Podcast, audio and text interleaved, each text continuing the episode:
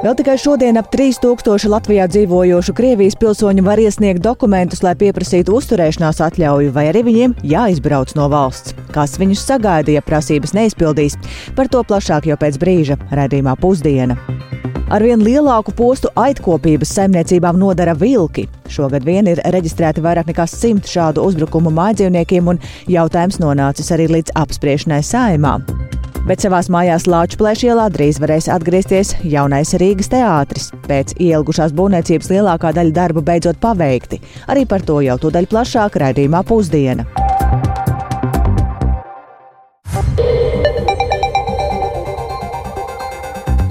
Divpadsmit un piecas minūtes skanējumu sāk 30. novembra rādījums pusdiena, un tajā plašāk skaidrosim šodienas svarīgus notikumus. Studijā Dāca Pēkšēna. Labdien!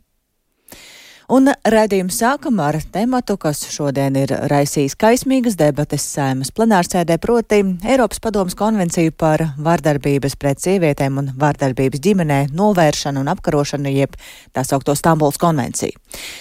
Tā pārunās izskan gan kā pamats starptautiskai sadarbībai vardarbības mazināšanā, gan arī kā dokuments, kura pieņemšana nerisinās pašu neizdarītos mājas darbus un saimas sēdēji seko līdzi kolēģis Jānis Kīncis. Sveiks, Jāni! Sveicināti! Jā, saimnes sēdē diskusijas par šo jautājumu turpinās jau no 9 rītā, lai arī tas nebūtu nav vienīgais darba kārtības jautājums. Sēdes sākumā vispirms bija priekšlikums atlikt šīs konvencijas skatīšanu. Deputāta Linda Liepiņa no Latvijas pirmajā vietā to pamatoja ar nesen veiktiem labojumiem dokumenta tulkojumā, latviskojumā. Atbildes par to frakcija, atbildes par šo problēmu vai šo situāciju frakcija sagaidot no premjeras. Savukārt juridiskās komisijas vadītājs Andrēs Judins no jaunās vienotības vēlreiz izklāstīja, ka valsts valodas centra piedāvātie labojumi ir tehniski un nemaina konvencijas būtību. Tie, piemēram, ir precizēti termini esamība uz esība, cietušais uz upuris un tam līdzīgi. Um, aicinājumu konvencijas skatīšanu atlikt deputātu vairākums noraidīja. Savukārt Stambulas konvencijas ratificēšanu ar saimnes vairākumu balsīm atzina par steidzamu, un šis balsojums liecina, ka valdību veidojošajai koalīcijai šajā jautājumā ir šodien, šīs dienas sēdē neliels pārsvars ar 52 klātsošo deputātu balsīm. Debašu turpinājumā juridiskās komisijas vadītājs Andrēs Judins atskaitījās par plašajām pārunām četrās juridiskās komisijas sēdēs, vēlreiz paskaidrojot šī dokumenta nolūku. Lūk, neliels citāts. Konvencija paredz visaptverošu pieeju vardarbības pret sievietēm un vardarbības ģimene novēršanai un apkarošanai. Un tai ir četri pilāri - prevencija, aizsardzība, sodīšana un saskaņota rīcība. Konvenciju ratificēja 37 Eiropas valstīs, un arī Eiropas Savienība pievienojas šim dokumentam. Es vēlos arī nosaukt, ka Mums bija tieši vairākas organizācijas, un to starp arī piedalījās eh, pārstāvi no centra Skalbis, no centra Marta, no centra Dārdzes. Šīs organizācijas strādā ar cietušajiem, un eh, visa šīs organizācijas pauda atbalstu likuma projekta virzīšanai. Un pret šī dokumenta virzību turpina iebilst saimnes opozīcija, un lai arī juridiski konvencija nebūtu pielīdzināma valstu likumiem, vairāk kārt izskanēja argumenti, ka Latvijas likumos jau te jau viss Stambuls konvencijā paredzētais ir noteikts. Savukārt eh, tas, Savukārt tas, kas trūkst, ir pašu viena neizdarība. Tā vērtē deputāte Linda Matisone no apvienotā saraksta. Viņas pārstāvētā frakcija budžetā prasa valsts policijai papildu naudu aprocēm pret sievietēm agresīvu vīriešu uzraudzībai un kontrolē, taču valdība to neatbalstot. Vienlaikus Nacionālās apvienības deputāts Jānis Grasbergs pauda bažas par koncepcijā ierakstītā ietekmi uz izglītības saturu. Lūk, abu deputātu teiktais. Kā zināms, 63 no 66 Stambulas konvencijas pantiem jau ir pilnībā iekļauti Latvijas normatīvajos aktos. Kāpēc vardarbība Latvijā vēl joprojām ir? No Stambulas konvencijas Latvijas Republikas normatīvajos aktos nav iekļauts iespējams pats būtiskākais, kas patiešām mazinātu vardarbību. Un tās ir divas lietas. Pirmā - ātrāk tiesas medicīniskās ekspertītes noteikšana cietušajiem, un otrs - pirmās palīdzības centra izveidošana seksuālās vardarbības upuriem. Arī neatbalstu labi nosaukto dzimumu līdztiesības no angļu valodas gender sensitivity, jeb dzimumu jūtības, vienādības mācīšanas skolās. Līdztiesība būtu laba lieta, bet uh, kā to rāda citu valstu piemēri, kā tas izskatās šajās izglītības sistēmās, noteikti to mēs nevaram atbalstīt. Debatēs vairāk kārt arī izskanēja apgalvojums, ka neviens nevarētu iebilst pret vardarbības apkarošanu un visiem iespējamiem rīkiem. Taču šajā konvencijā diskutējams un aizvien neskaidrs ir arī tā minētās dzimuma definīcijas. Te gan jāatgādina, ka Labklājības ministrija konvencijai pievienoja skaidrojošu pielikumu, kurā uzsvēra, ka konvencijā iekļautais un diskusijās bieži minētais sociālais dzimums nav saistīts ar pienākumu Latvijā ieviest kādu citu izpratni par dzimumu. Un, Tiesa gan arī arī šis pielikums debatēs izpelnījās kritiku, jo tas nesot juridiski saistošs. Pašlaik šis debats tiešām vēl turpinās pirmajā lasījumā, un ir paredzēts, ka vēlāk ar Saimnes juridiskās komisijas lēmumu šo jautājumu saimnes sēdes darba kārtībā iekļaus arī otrajā un galīgajā lasījumā, līdz ar to šis jautājums varētu būt izsmelts. Taču, nu, kā ar to veiksies, redzēs, bet tik ātru rīcību deputāti pamato ar to, ka Stambulas konvencijas tekstu parlaments nevar mainīt, līdz ar to nav iemeslu vilcināties šajā procesā. Sekosim līdzi. Paldies Jānim Kīncim. Tātad diskusijas par Stambuls konvenciju šobrīd saimā notiek jau vairākas stundas, aizvien turpinās. Es skatos, ka daudz vēl nemaz pie vārda nav tikuši, un vairāk tad arī par to runāsim raidījumā pēcpusdienu. Bet bijušais premjeras Krišjāns Kariņš no jaunās vienotības lidojumos ar privāto lidmašīnu izrādās iztērējis divreiz vairāk nekā sākotnēji domāts. Tie bijuši 36 lidojumi par vairāk nekā 1,3 miljoniem eiro. Lielāko daļu izmaksu sedza Eiropas Savienība, bet vairāk nekā 600 tūkstoši eiro ņemti no valsts maka. Medijos izskan, ka par lidmašīnu nomu pārbaudi sākus arī ģenerāla prokuratūra. Vairāk par šo tematu ir interesējies kolēģis Viktors Zemīdovs. Sveiks, Viktor! Tagad parādās informācija, ka tomēr ar privāto reisu lidojas arī tagadējā premjera Evika Siliņa no jaunās vienotības, kas tev par to ir zināms.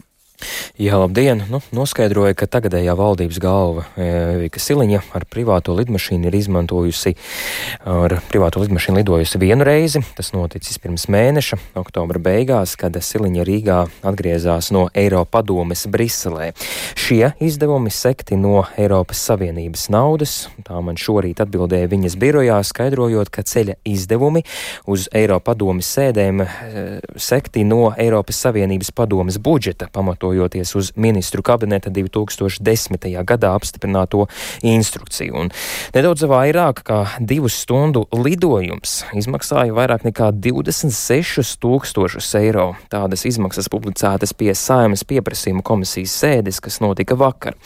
Vai Siliņa arī turpmāk izmantos privāto lidmašīnu? Atbildi vēl neesmu saņēmis. Savukārt, runājot par viņas kolēģa, tagadējā ārlietu ministra un bijušā premjerministra Krišāņa Kariņa no jaunās vienotības lidojumiem, tad kopš 2019. gada ar privāto lidmašīnu Kariņš ir lidojis 36 reizes, kas izmaksāja vairāk nekā 1,3 miljonus eiro. Lidojumu skaits ir divreiz lielāks nekā Tas bija sākotnēji zināms, un par privāto gaisa kuģa izmantošanu ģenerālprokuratūra ir sākusi pārbaudīt, un tā ziņo TV3. To šķetināta mēģina saimnes opozīcijas frakcija apvienotais saraksts. Tās frakcijas vadītājs Edgars Tavars sarunā ar mani šodien norādīja, ka Kariņa lidojumus varēja izplānot saulaicīgi. Valsts kopīgos līdzekļus Kariņš uzskatīs, nu, var teikt, par saviem, tā saka Tavars. Šāda attieksme pret nodokļu maksātāju naudu tas ir uh, vienkārši viegli izsakoties šoks. Apvienotā saraksta neviens ministrs nebija informēts, ka mēs šādā veidā tērējam naudu no valsts kancelejas līdzekļiem. Griezos jautājumu pie mūsu šobrīd ir opozīcijas partneriem, tā brīža koalīcijas partneriem Nacionālās apvienības. Es saņēmu tieši tādu pašu atbildi. Bija pat dienas, kad paralēli mūsu pašu kolēģi ir lidojuši Briselē parastiem ekonomiskiem reisiem. Arī ministri būdami. Piemēram, var gadīties, ka jāvaldo uz Ukrainu vai kaut kāda šāda veida tikšanās, kur iepriekš iepriekš nevarēju noprognozēt, tad pastāv vienmēr iespēja kaut kā šādu ekstru izmantot. Bet tas varbūt ir ārkārtējs gadījums, viens, divi gadā. Bet piedodiet, ja mēs redzam par šitiem dažiem gadiem, tās ir 36 reizes. No, tas kā minimums rada ļoti nopietnas jautājumus. Tālūk, Edgars Tavars, saimas uh, frakcijas apvienotās saraksta vadītājs, savukārt jaunās vienotības frakcijas vadītājs Edmunds Jurēvits.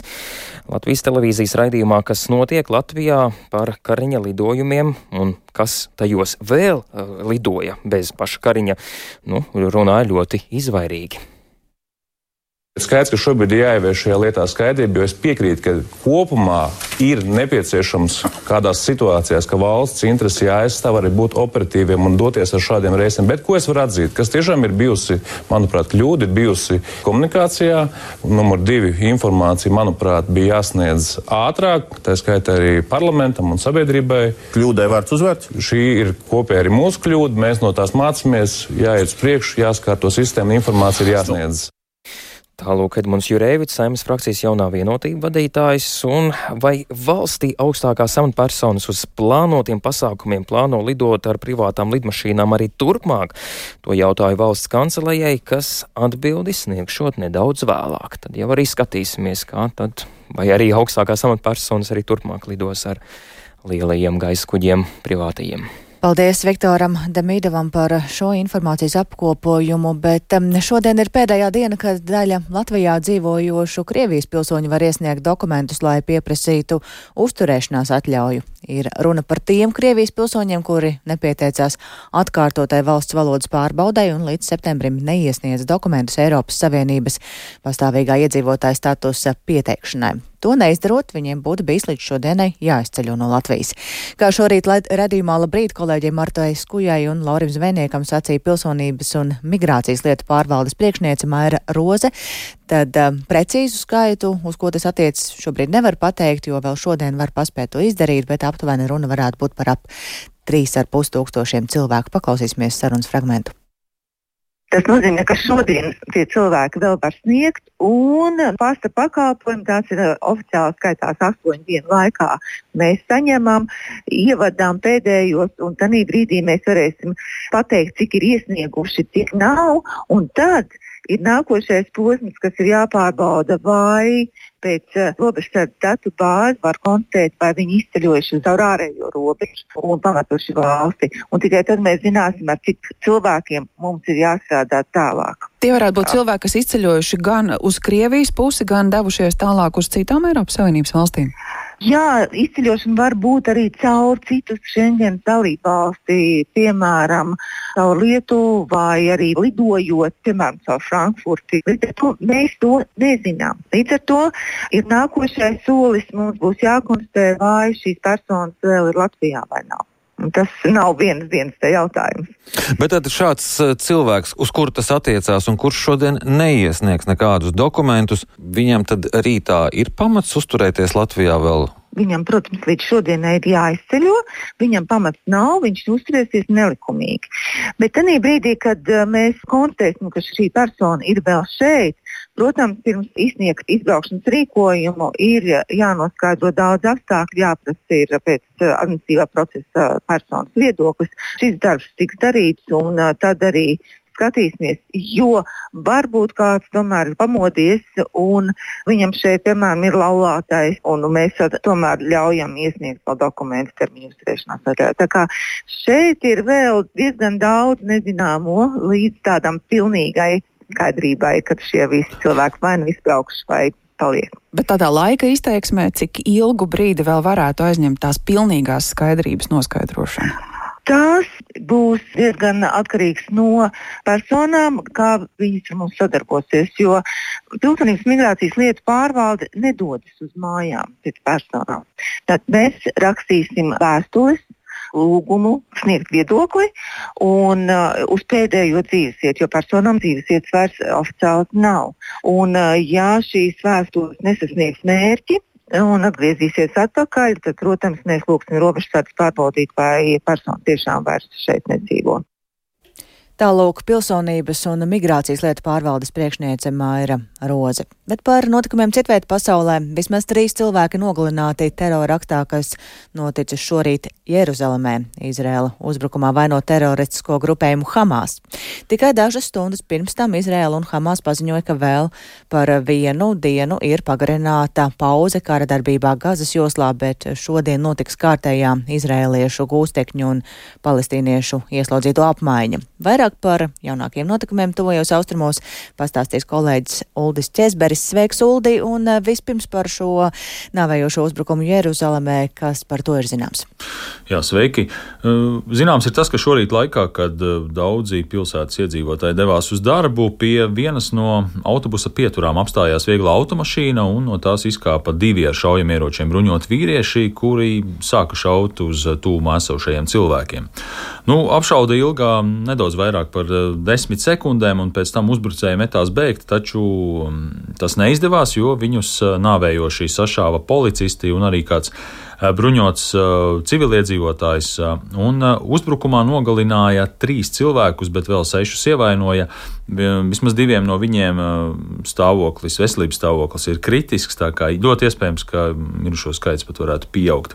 Un, jā, Izraels droši, Nacionālās drošības ministrs Itamars, Itamars Ben Gavīrs paziņoja, ka abi uzbrucēji bija teroristiskā grupējuma Hamas locekļi, kuri savulaik ir izcietuši cietumsodus par Mm, teroraktu plānošanu.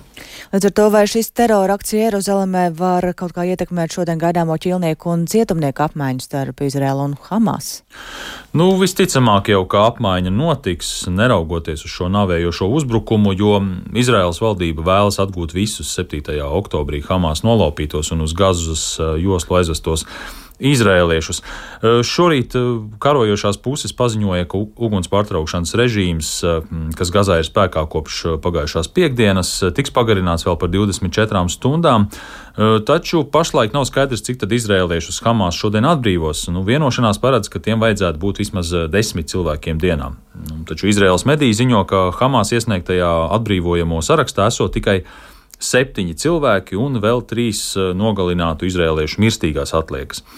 Nu, Hamas apgalvo, ka šie esot pēdējie izrēliešu bērni un sievietes, eh, kuras atrodoties grupējuma gūstā. Un, savukārt Izraela lēš, ka Gazā atrodas vēl 145 gūstekņi, kuru vidū ir arī 15 sievietes un bērni. Nu, tāpēc Izraela uzstāja, ka pamieru Gazā varētu pagarināt par vēl vismaz uh, divām dienām. Un tagad jāpie, jāpiebilst, ka nu, daļa ķīlnieku atrodas teroristu grupējuma Islāma džihāds gūstā. Nu, ja līdz rītdienas rītam neizdosies vienoties par vēl vienu pamiera pagarinājumu, tad nu, visticamāk Izraela atsāks militārās operācijas Gazā, un nu, to vakar arī ļoti skaidri pateica Izraels premjerministrs Benjamins Netanjahu. Kara sākumā es izvirzīju trīs mērķus - likvidēt Hamas, atgūt visus ķīlniekus un nodrošināt, ka Gaza vairs nekad neradīs draudus Izrēlai. Šie trīs mērķi joprojām ir spēkā. Mums ir izdevies atgūt desmitiem gūstekņu. Pirms nedēļas tas šķita neiedomājami, bet mēs to panācām. Pēdējās dienās esmu dzirdējis jautājumu, vai Izraela pēc ķilnieku atgūšanas atsāks kara darbību.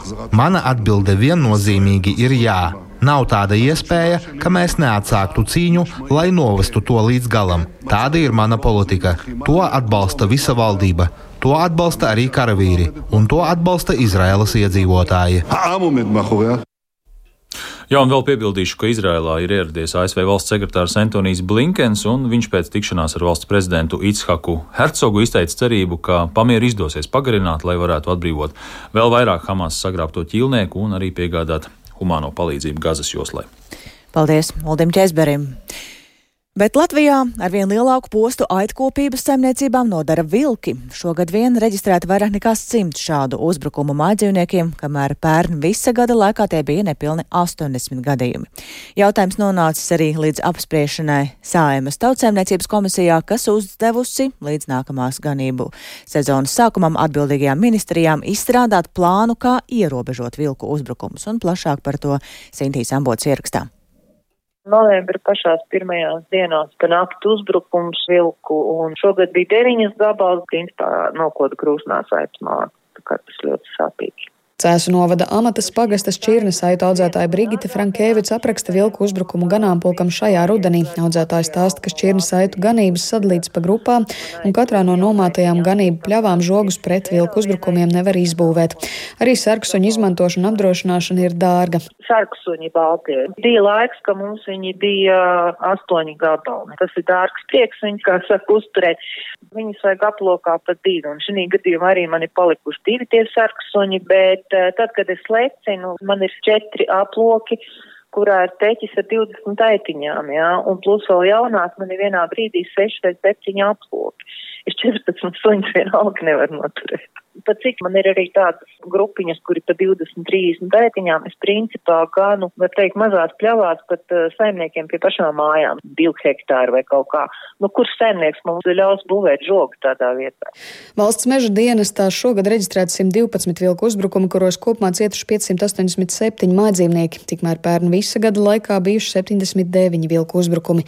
Šonadēļ Saimas tautsaimniecības apakškomisijā Latvijas aitu audzētāju asociācijas valdes priekšsēdētājs Dmitrijs Bortņikovs atkārtot aicināja ieviest kompensācijas, kādas aitkopiem pieejamas, piemēram, Lietuvā. Mums ir iespēja saņemt uh, atbalstu šo žogu izbūvēi, bet uh, atbalsta intensitāte ir no 40 līdz 50 procentiem, un mums tiek dot tikai papildus 10 punkti, lai mēs varētu nu, startēt šajos projektos. Tā kā nedomāju, ka mēs uh, esam konkurētspējīgi ar tādām nozarēm, kas ir rentablākas nekā aitkopība. Vides ministrijas pārstāve Daiga Vilkast iezīmē, ka Lietuvā kompensācijas par vilku postījumiem maksā viena ministrija, kas atbildīga par dabas aizsardzību, medībām un meža saimniecību. Tikmēr, piemēram, Somijā, kur tāpat kā Latvija atbildības nodalītas dažādās ministrijās, par šo atbalstu atbildīga tieši meža saimniecības jomas ministrija. Mēs saskatām, ka šobrīd pilnīgi visi instrumenti ir zemkopības ministrijas rīcībā. Zemkopības ministrijas pārstāvis Jānis Bārs atbild, ka pat labam šādām kompensācijām nav atvēlēti līdzekļi. Ministrija piedāvā naudu piesaistīt no citām nemedījamo sugu radīto zaudējumu atbalsta programmām vides ministrijā. Mehānisms, teiksim, tā ir noteikts, lai šo zaudējumus novērtētu. Tas viss ir taisnība, tik tālu viss ir, bet tajā pašā laikā mums tur nav maka, no kura šo naudu ņemt. Tikai kompensācijas vienu problēmu no atrisināt var tikai īslaicīgi. Prevencija ir jābūt, lai tas žoks tiešām būtu efektīvs, nevis simbolisks. Valsts meža dienas šajā medību sezonā noteicis pieļaujamo vilku nomedīšanas apjomu 300 dzīvnieku un līdz šim nomedīti 264 vilki. Saimas deputāts Ingmārs Līdaka no Zaļo un Zemnieku savienības komisijas sēdē aicināja esošā medību limita ietveros vilku medības plānot tieši postījumu vietās. Tie 300 vilki tiek nomedīti, bet viņi tiek nomedīti visticamākais tur, kur vieglāk to ir izdarīt nevis mērķiecīgi tur, kur būtu vajadzīgs vairāk. Deputāti rosināja ierēģņus neadresēt jautājumu vienam pie otra, bet izstrādāt kopīgu rīcības plānu līdz nākamās ganības sezonas sākumam, turpina Nacionālās apvienības deputāts Jānis Grāsbergs. Tas gala iznākums būtu, ka zemkopības ministrija nodrošina plašāku šo preventīvo pasākumu ar augstāku atbalsta intensitāti, un no varam puses mēs redzam šīs kompensācijas. Atbildīgo ministriju, organizāciju un institūciju darba grupai par rezultātu saimnes tautsēmniecības tirzniecības apakškomisijai jāziņo 16. janvārī. Sinti Ambote, Latvijas radio. Tas tātad par to, ka simtiem mājdzīvnieki ir cietuši no vilku uzbrukumiem, un tagad valstiskā līmenī domā par to, kā to mainīt. Bet jaunais Rīgas teātris drīzumā beidzot varēs atgriezties savās mājās, Lāčpalēša ielā 25. Pēc ielgušās būvniecības lielākā daļa būvdarbu ir paveikta un teātrēku šobrīd gatavo noslēdzošajām pārbaudēm. Jaunajā Rīgas teātrī šobrīd atrodas kolēģi Agnija Lazdiņa. Sveika, Agnija! Nu, saki, kā tur izskatās, kas ir paveikts, kas jāpaveic, un tiešām ir tā sajūta, ka jau pavisam drīz teātra kolektīvs tur varētu atgriezties. Labdien! Jā, kā jau tu minēji, tad jaunā Rīgas teātra kompleksā pašreiz ir paveikti 95% būvdarbu, un tas nozīmē to, ka visi, visi galvenie darbi ir paveikti. Un šobrīd notiek gatavošanās noslēdzošajām pārbaudēm, piemēram, nākamnedēļ paredzēta valsts ugunsdzēsības un glābšanas dienas pārbauda, kas tad esot visgrūtākā. Piemēram, uz ēkas fasādes un iekšpuz, iekšpagalmā jau ir atgriezušies uzraksti jaunais Rīgas teātris, un kopumā pat tiesi jau nonākot šajā ēkā kopš pēdējās reizes, kad tur biju, var redzēt, ka darbi jau praktiski ir visi pabeigti un teātris jau gatavojas noslēdzošajiem darbiem un gatavojas uh, uzņemt aktierus visus atpakaļ, bet uh, teātris ir atjaunots un tas ir pārbūvēts, taču ir bijis svarīgi turēties pie vēsturiskajām saknēm un izskatu. To atzina arhitektu un jaunās Rīgas teātra pārbūves projekta autore Zaiga Gaila, piemēram, atjaunojot uh, trepju margas vai logus, bet uh, kas ir interesanti, tad uh, jaunajā Rīgas teātrī ir izveidota tāda kā čūska jeb stiklota eja, caur kuru tad aktieri no vienas ēkas daļas varēs pāriet uz otru. Un, to, un šo čūskas eju vai to stikloto visu varēs redzēt arī paši skatītāji. Vismaz daļai šos aktierus varēs redzēt, bet to jau plašāk pastāstīšu programmā pēcpusdiena, bet kopumā var teikt, ka visi iesaistītie, gan būvnieki, gan arī uh, arhitekti ir atzinuši, ka darbi ir patiesi galā, tie ir noritējuši raiti un pēc plāna, un jau visdrīzāk, ka jaunajā gadā patiesi aktieri varēs atgriezties savās vecajās mājās. Dace? Paldies Agnijai Lazdiņai. Es domāju, ka ne tikai aktieri gaida šobrīd, bet arī skatītāji. Un ar to tad arī izskan redzījums pusdiena. To producēja Ilze Aginta, ierakstus montēja Renārs Šteimanis par labskaņu rūpējās Ivete Zvejniece un ar jums sarunājās Dāca Pēkšēna. Redzījums pusdiena ir atrodams arī Latvijas radio mobilajā lietotnē. Tur ir jāsameklē dienas ziņas, un tāpat arī Latvijas radio ziņām var sekot līdzi sabiedrisko mediju portālā LSMLV un arī meklēt mūsu Latvijas radio sociālajos tīklos. Yeah.